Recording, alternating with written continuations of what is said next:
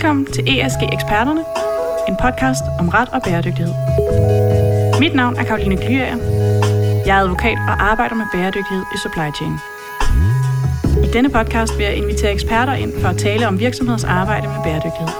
Mine gæster har en passion for bæredygtighed, men de ser også udfordringer og dilemmaer ved at arbejde med bæredygtighed i praksis.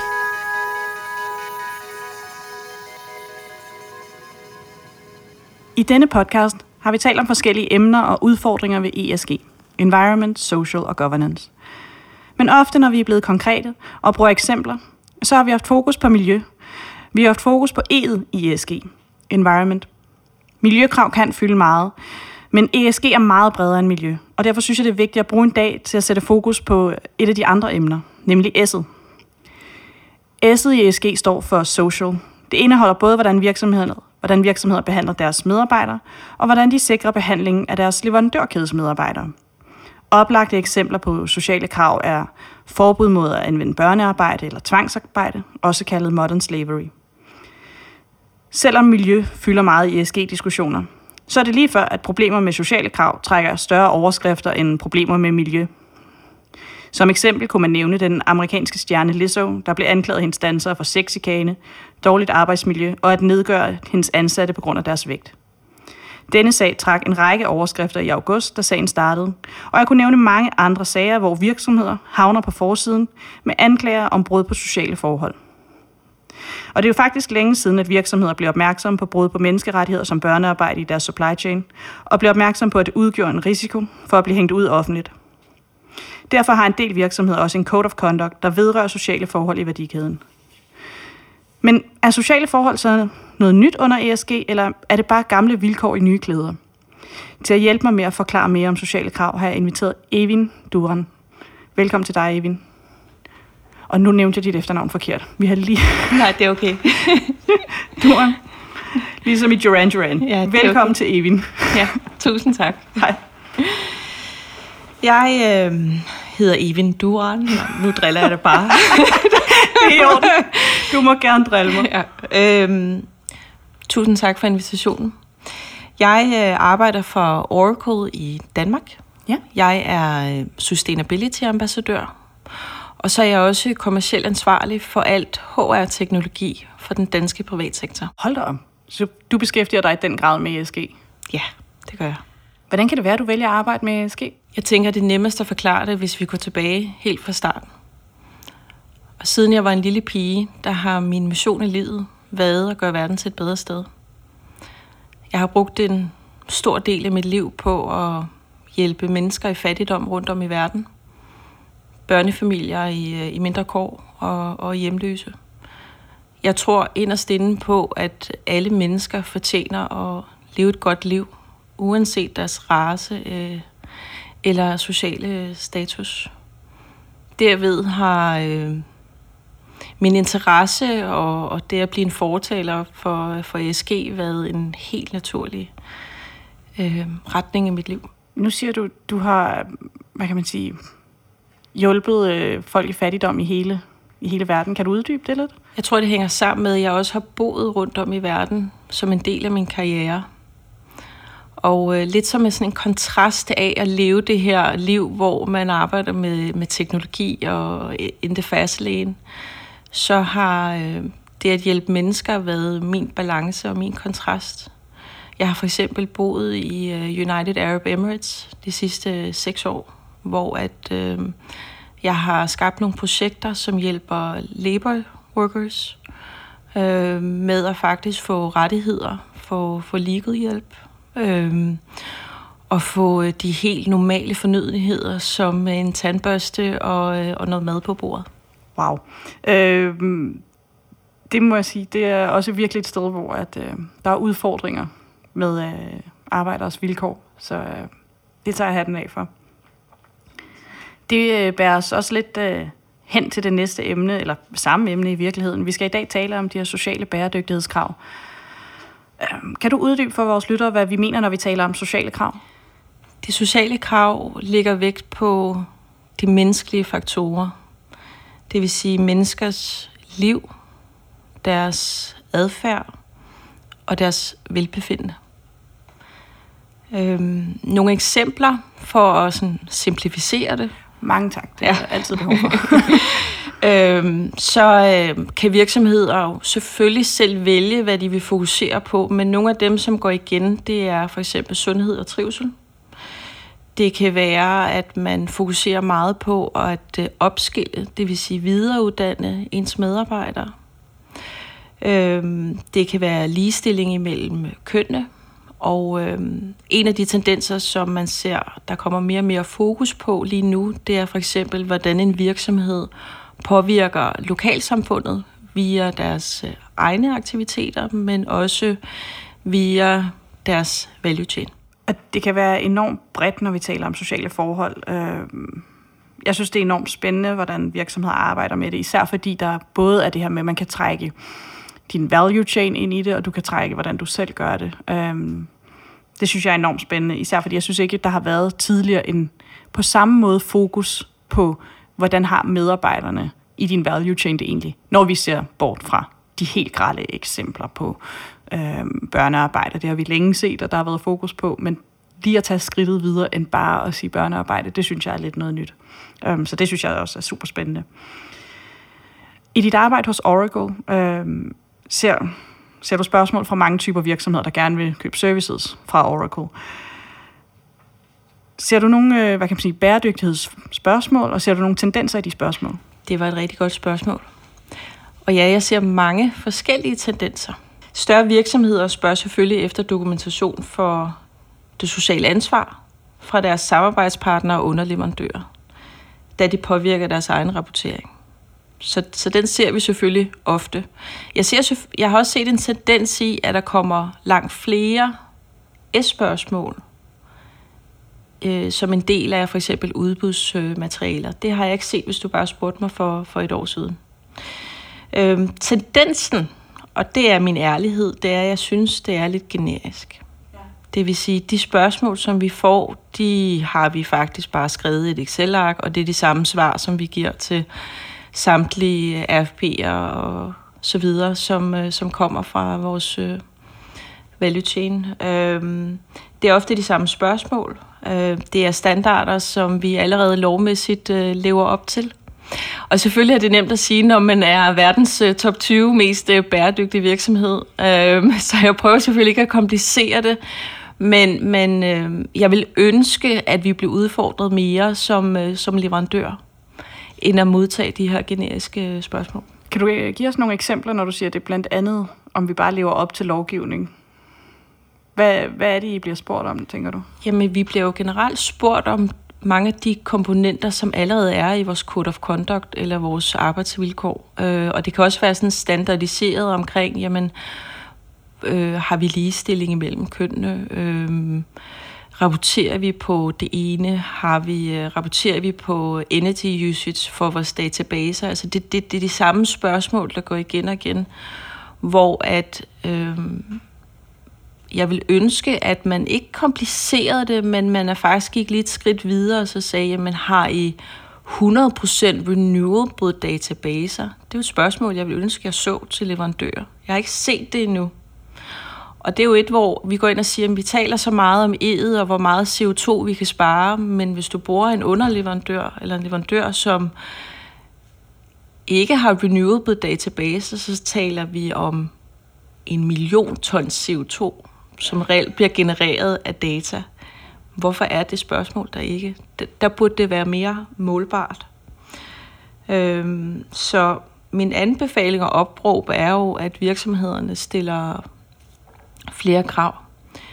Det er også en af grundene til, at sammen med jer og, øh, og Mærsk og nogle andre teknologiudbydere, øhm, øh, vi har skabt noget, der hedder Technology Sustainability Index, som er et øh, open source, øh, gratis maturity model, som rent faktisk stiller krav lidt bredere end det, som vi ser er lidt øh, generisk og lovmæssigt i dag. Præcis. Øhm, og jeg synes også, især når du taler om, hvad er det for nogle spørgsmål, du får. Øhm, for det er det samme, jeg synes, vi har talt en del om, det her med at tage skridtet videre. Altså når jeg siger, vi har talt om, så mener jeg igen i vores arbejde med Technology Sustainability Index.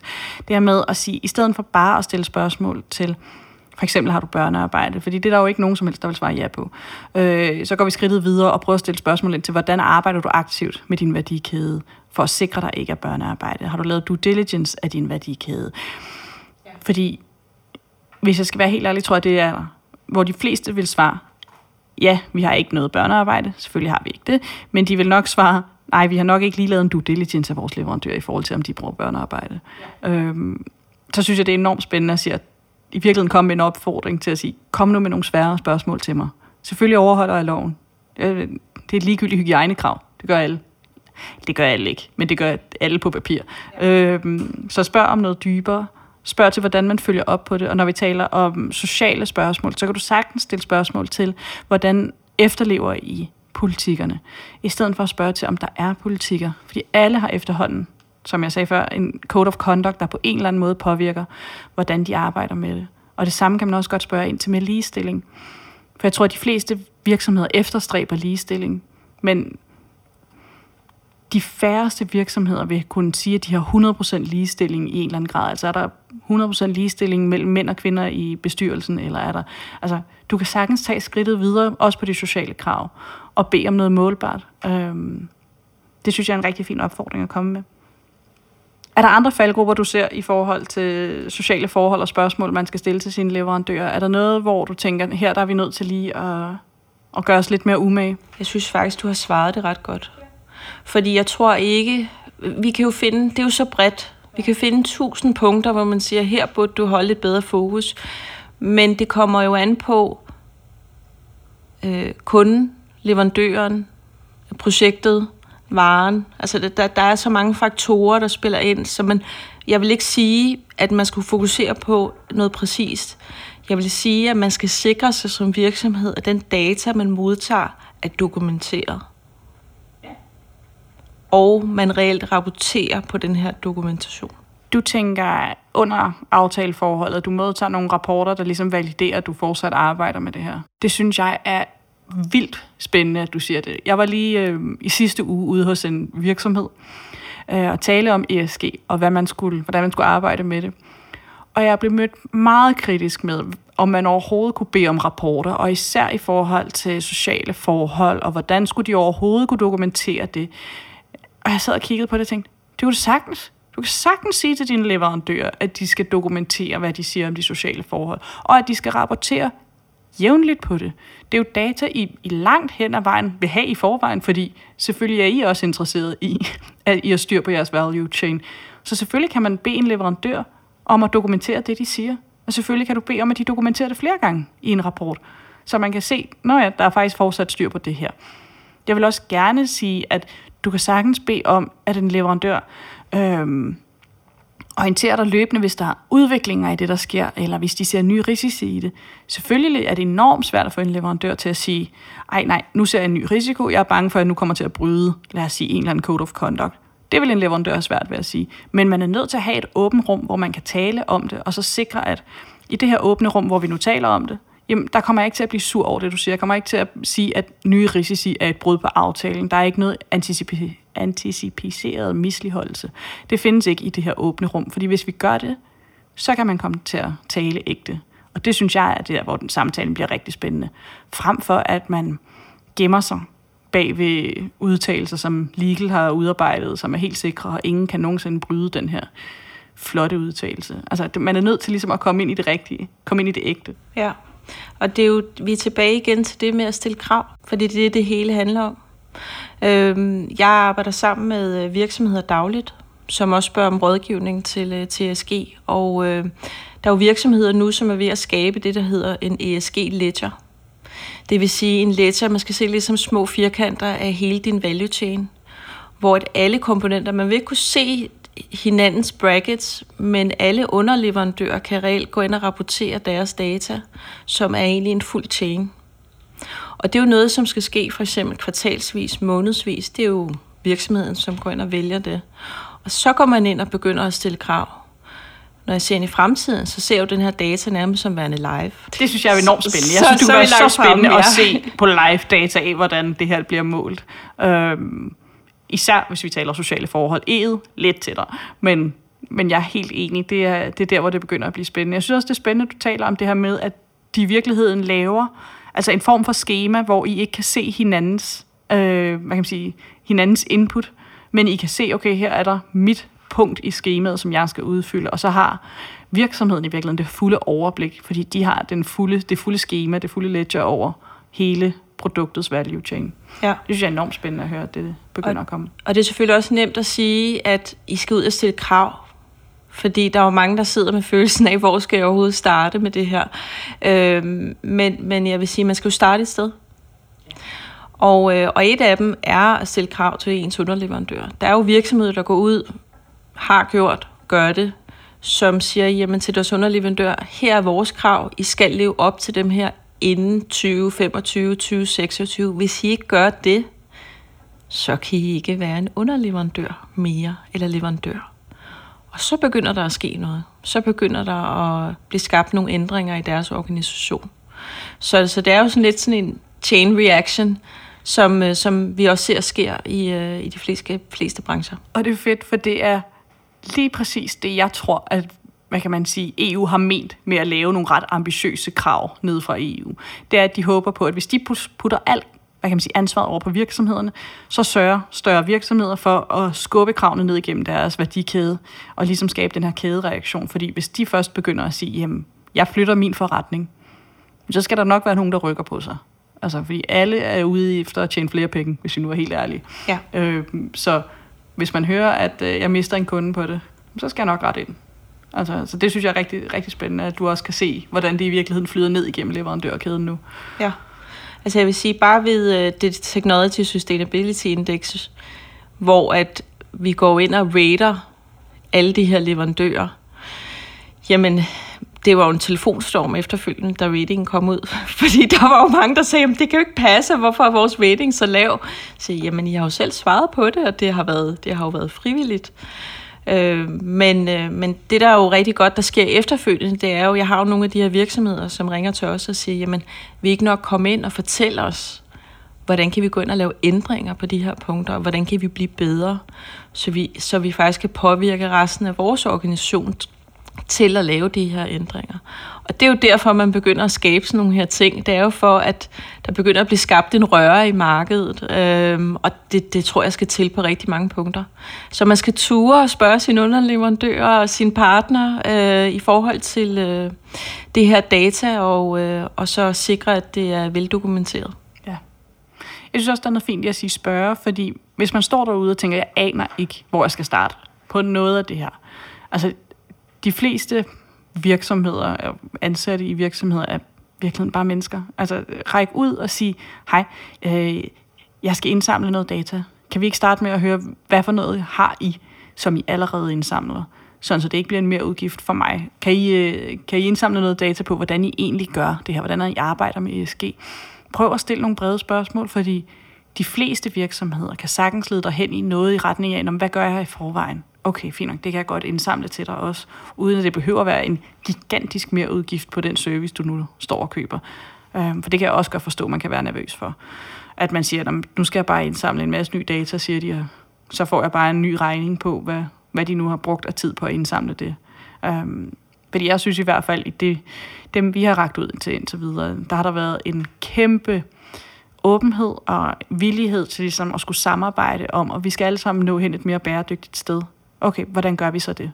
Det synes jeg har været rigtig rart at opleve. Øhm, frem for at jeg sidder jo normalt i juridiske forhandlinger, hvor vi er meget uenige. vi kæmper meget. det gør vi ikke så meget, når vi snakker bæredygtighed. Der er der lidt mere en velvilje. Det er et andet standpunkt. Nu skal vi blive standpunkt. enige i dag. Ja, præcis. Man kommer ind med meget mere åbenhed. Ja. det kan jeg godt lide.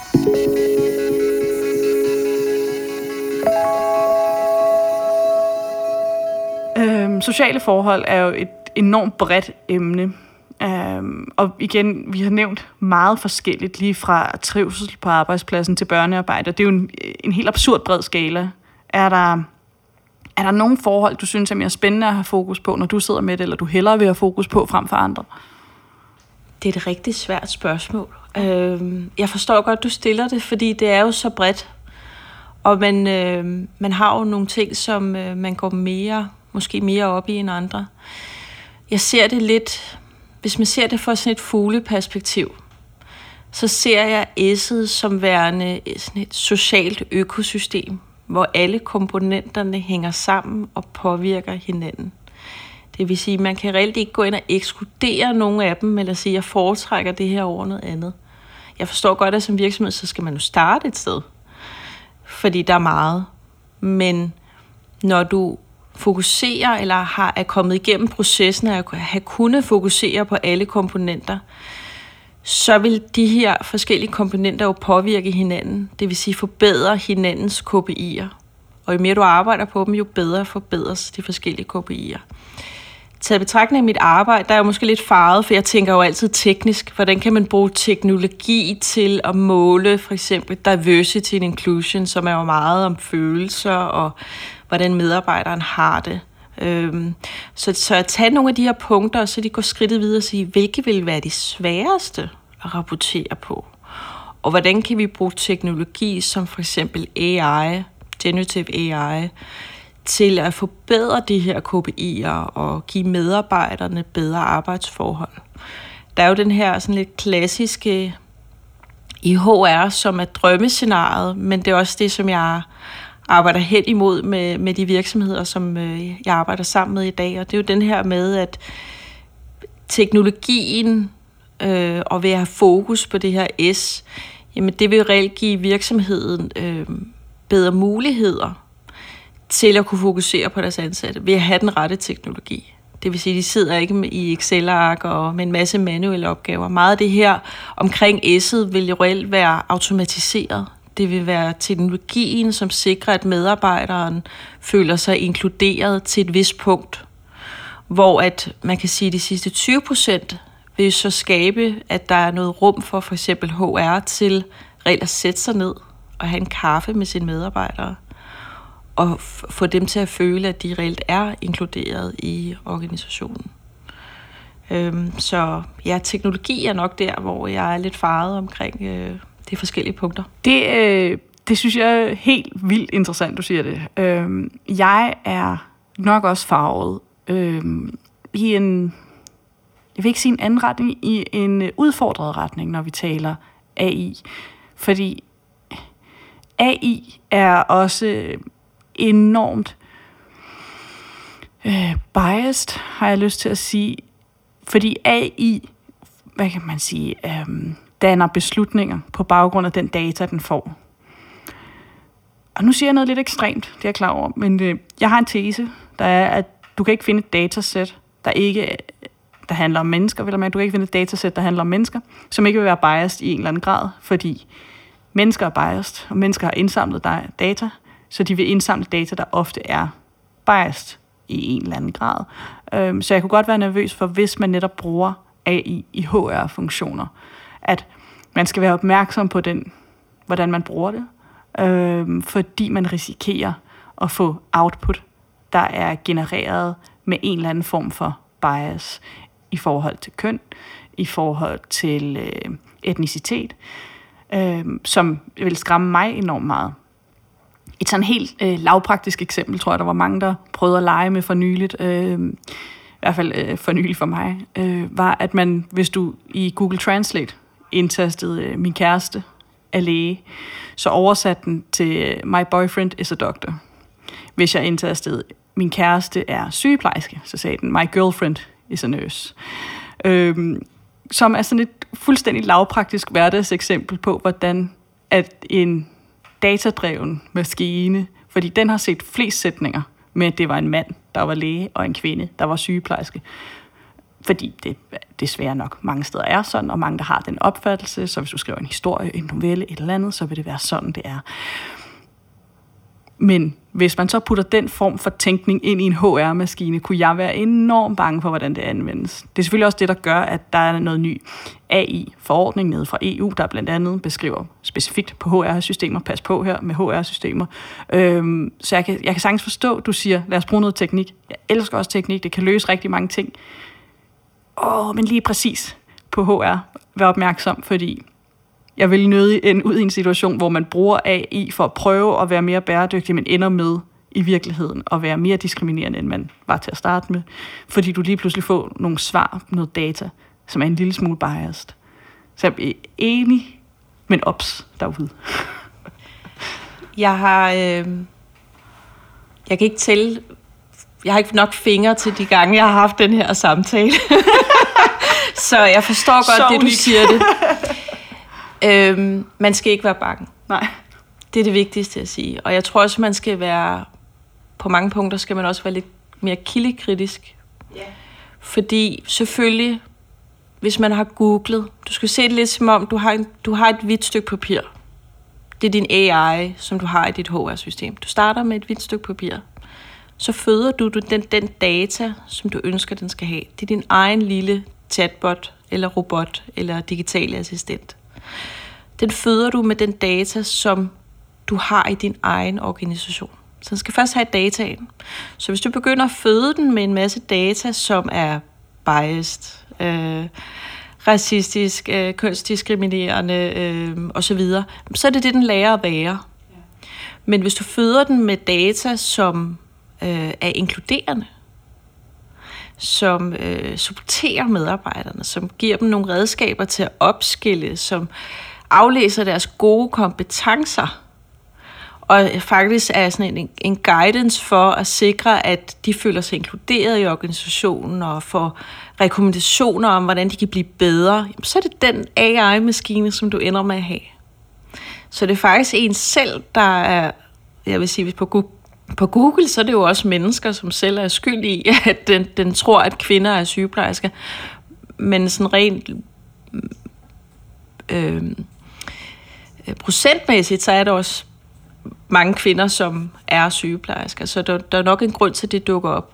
Jeg ved jo godt, at, at man kan gå mange, mange, mange år tilbage, der, når man går ind og ser på machine learning og AI og alle de her ting, hvordan er det skabt. Og der var dataen selvfølgelig også anderledes. Det var også et andet samfund, vi levede i. Så den har jo fået født data fra 1950 til nu, hvor vi er i en udvikling. Men generelt, når vi taler om vores egne systemer og det, vi selv har ejerskab over, så er det os selv, der egentlig bestemmer, hvad det er for noget data, der skal være i. Så hvis vi taler om generative AI HR, så vil det svare til, at du får din egen chat GPT, men du starter først med selv at føde den data, som din egen chat GPT skal have. Jeg siger heller ikke, man ikke kan. Men jeg tror også bare, vi er et sted, hvor så når du føder den med data, skal du i hvert fald være opmærksom på, hvad kan man sige, de fejl og mangler, du allerede har. Ja. Så når du begynder at føde den med data fra din egen organisation, hvis du så står i en, lad os sige, i en virksomhed, som ikke har løst ligestilling 100% endnu, nu siger jeg hvis, øh, med et stort vis, for det tror jeg, de færreste har løst 100%. Øh, så skal man nok være opmærksom på den data, den jo så får. Øh, fordi den så får data fra en virksomhed, som ikke har løst det 100% endnu. Så man kan sagtens. Man skal bare tænke over den data, den får, sådan så at man får fødet den måske med, jeg vil ikke sige skævvredet, men med den data, man gerne vil have, den arbejder videre fra. Så du ikke bare fortsætter i den samme rille. Du vil jo gerne bruge den til at blive bedre. Så helt enig, tænk på dataen.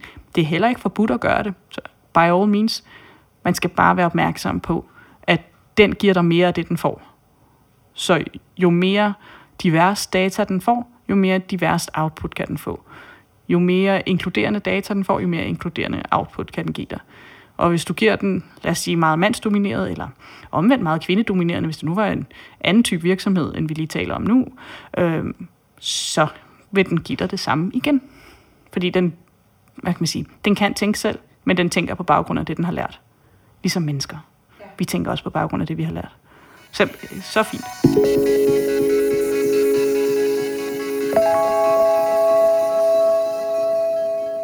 S er dækket mange steder, men øh, adskiller i din optik sociale bæredygtighedsforhold sig under ESG fra det, man ofte ser dækket under en Code of Conduct eller arbejdspladsvilkår, som APV'er. Vi har jo berørt det lidt tidligere.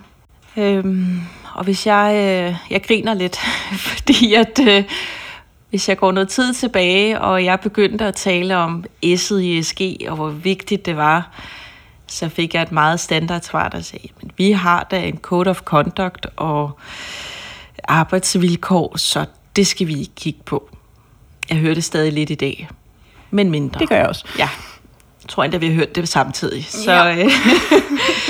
øh, øhm, men ESG eksisterer af en grund.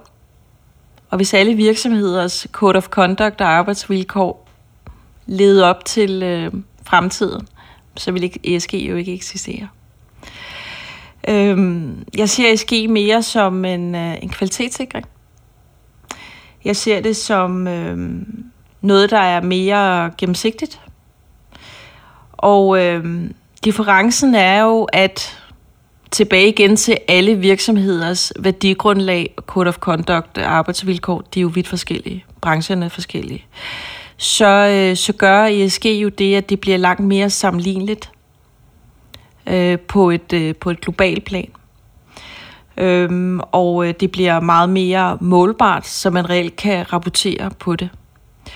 Og så er der også den her faktorer igen, som vi har talt meget om, det er, at der bliver lige pludselig stillet nogle krav oppefra, som gør, at alle nu skal leve op til det. Det synes jeg var et mega godt svar. Jeg er helt enig. Jeg synes også, at man får mere målbare krav. Vi får mere gennemsigtighed, end man har gjort med en code of conduct. Altså, virksomhedsarbejde med en code of conduct har været, at man har udarbejdet en code of conduct i nogle fluffy øh, begreber, at alle har en intention om at opføre sig ordentligt, og så giver man den til sin leverandør, de tænker, ja, ja, vi har også en intention om at opføre os ordentligt, det har alle mennesker. Øhm, det er bare fordi, vi definerer det forskelligt, at der kan være forskel. Ja. øhm, så det har ligesom ikke, man har ikke fulgt op på det, du har ikke målt på det, du har ikke haft reel gennemsigtighed, fordi hvad vil det egentlig sige at opføre sig ordentligt? Og det synes jeg, ESG går et skridt videre med, når vi taler om S'et i ESG. Det er meget mere at se ned igennem og sige, hvad er det så rent faktisk, det, det betyder? Hvad er det for nogle måder, du arbejder med det på? Hvordan er det, vi kan arbejde med vores leverandørs værdikæde? Altså frem for, at vi bare synes alle sammen, at det er meget fint, hvis vi bare har en bredt formuleret code of conduct, så er det nok okay alt sammen. Jamen, jeg tror aldrig, det er jo igen det her med, at, at vi stiller krav, og vi gør det målbart øh, og dokumenteret.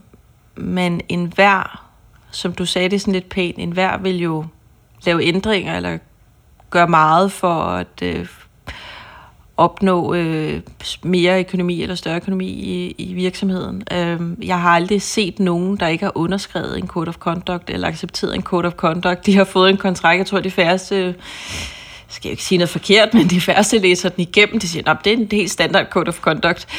Men hvordan sikrer vi egentlig, at dem, som har modtaget code of conducten, reelt lever op til det? Med mindre der sker en masse fejl og en masse skader og en Øh, altså, racisme eksisterer stadig i dag, og kønsdiskrimination og så videre, så altså, alle lever nok ikke op til de her code of conduct og, og arbejdsvilkår.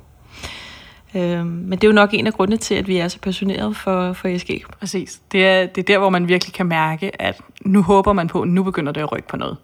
Fordi hvis vi skal være mere gennemsigtige, hvis vi skal være mere transparente, så er man også nødt til at op sig. For der er ikke nogen, der har lyst til at gå ud og sige, jamen, vi er enormt diskriminerende. Jamen, vi er super racistiske i vores virksomhed. Det, det, det er som om, den transparens er der ikke nogen, der har lyst til. Så man er ligesom nødt til at Det håber man andet. næsten. Det vil gøre det hele meget nemmere. det gør det mere ærligt. ja. Men, men, men også som man ser i dag, øhm, og det er jo en tendens, jeg har lagt mærke til de sidste måneder, ikke på racisme, men, men, men den her med, at vi lige pludselig ser topledere, der bliver fjernet på grund af skandaler det så man ikke før i tiden. Fordi nu vil de her skandaler, enten for medarbejdere, for topledere, jamen de vil jo reelt blive... Øh, de vil skade virksomheden langt mere, end de måske gjorde for, for 10 år siden. Ja, det er helt vildt. Altså, jeg ved godt, der er nogen, der synes, at alt det her woke-kultur er gået for vidt. Øhm, jeg er ikke helt i den boldgade, jeg synes, det er gået helt for vidt. Jeg synes, det er rart at se, at der på langt større grad er en mere ansvarlighed omkring, hvordan man opfører sig. Kan man så sætte sig ned og så sammenligne, hvad kan man sige, hvad vi synes er okay i dag med, hvad vi synes var okay bare for 10 år siden? Nej, selvfølgelig kan vi ikke det. Vi kan ikke straffe folk for noget, de gjorde på et tidspunkt, hvor samfundet var anderledes, og det har ændret sig helt sindssygt hurtigt. Altså, det har det bare. Så man må holde folk op på, hvad de gør nu, langt hen ad vejen. Medmindre det er fuldstændig gralt, selvfølgelig. Det er ikke det, er ikke det jeg siger. Men, jeg, jeg synes, det er spændende at se en større ansvarlighed fra virksomheder omkring, hvordan de opfører sig. Og det er kommet nedefra. Det er kommet fra medarbejdere, der lige præcis offentliggør og råber op. Ja. Øhm. Det, jeg, jeg vil sige også i begge retninger, altså top-down. Øhm, jeg havde en diskussion, sådan lidt off-track, men, men jeg havde en diskussion øhm, for ikke så lang tid siden med, med en, som var sådan meget imod ESG, og jamen, det kommer ikke til at gøre noget, og det er jo bare for økonomien og pengene skyld. Så, jamen, det er det jo nok for mange virksomheder, øh, hvis du siger top-down. Men prøv at fokusere på det positive. At nu kommer der jo faktisk en top-down beslutning omkring, du bliver altså fyret, hvis du er racist. Og det vil jo skabe en kulturændring. Nu, vi taler jo ikke nu, men over mange, mange, mange år. Hvor kulturen bliver, at du kan ikke være racist eller diskriminerende, hvis du arbejder i den her organisation. Om det kommer fra hjertet, eller om det kommer fra pengepunkten, det er jo, det er jo, det er jo irrelevant. Det vil jo gavne medarbejderne i det lange løb. At de ved, at du skal overholde den her code of conduct og, og de arbejdsvilkår, som du har. Så jeg ser øh, fremtiden værende meget positiv. Jeg er helt enig. Jeg tror også, der er meget, der kommer øh, på grund af penge. Øh, og jeg synes på den måde også, at det i virkeligheden, altså, det er i virkeligheden meget, jeg vil sige, ærligt omkring, hvad er det, der rykker på noget. Langt hen ad vejen, så rykker penge på mere end ordentlighed, desværre. Øhm, så hvis vi får, hvis man kan straffe nogen økonomisk på, at de ikke er ordentlige nok, så skal de nok ret ind. Altså det, desværre. Jeg vil meget gerne have, at folk bare var mere ordentlige, men øhm, det ser ikke ud til at blive sådan.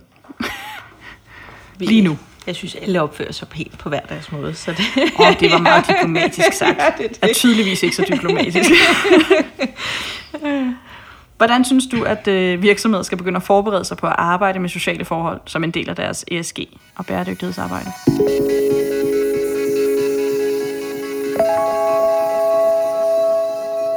Jeg kan prøve at simplificere det. Og øh, hvis jeg skal tage første del, så det er mere en opfordring for at skabe noget, øh, noget forståelse. Det er vigtigt at nævne, at det er nemmere at lave ændringer på S'et, end at lave ændringer på E'et. Det tror jeg, mange virksomheder, det er ikke helt er gået op for endnu.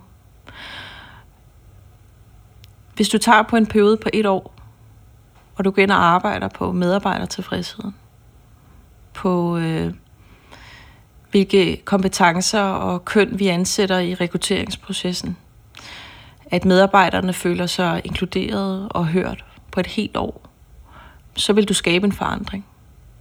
Men på det gældende samme år, hvis du skulle ind og ændre hele din value chain, alle dine underleverandører og så videre, det vil være langt sværere. Så det første er nok en opfordring.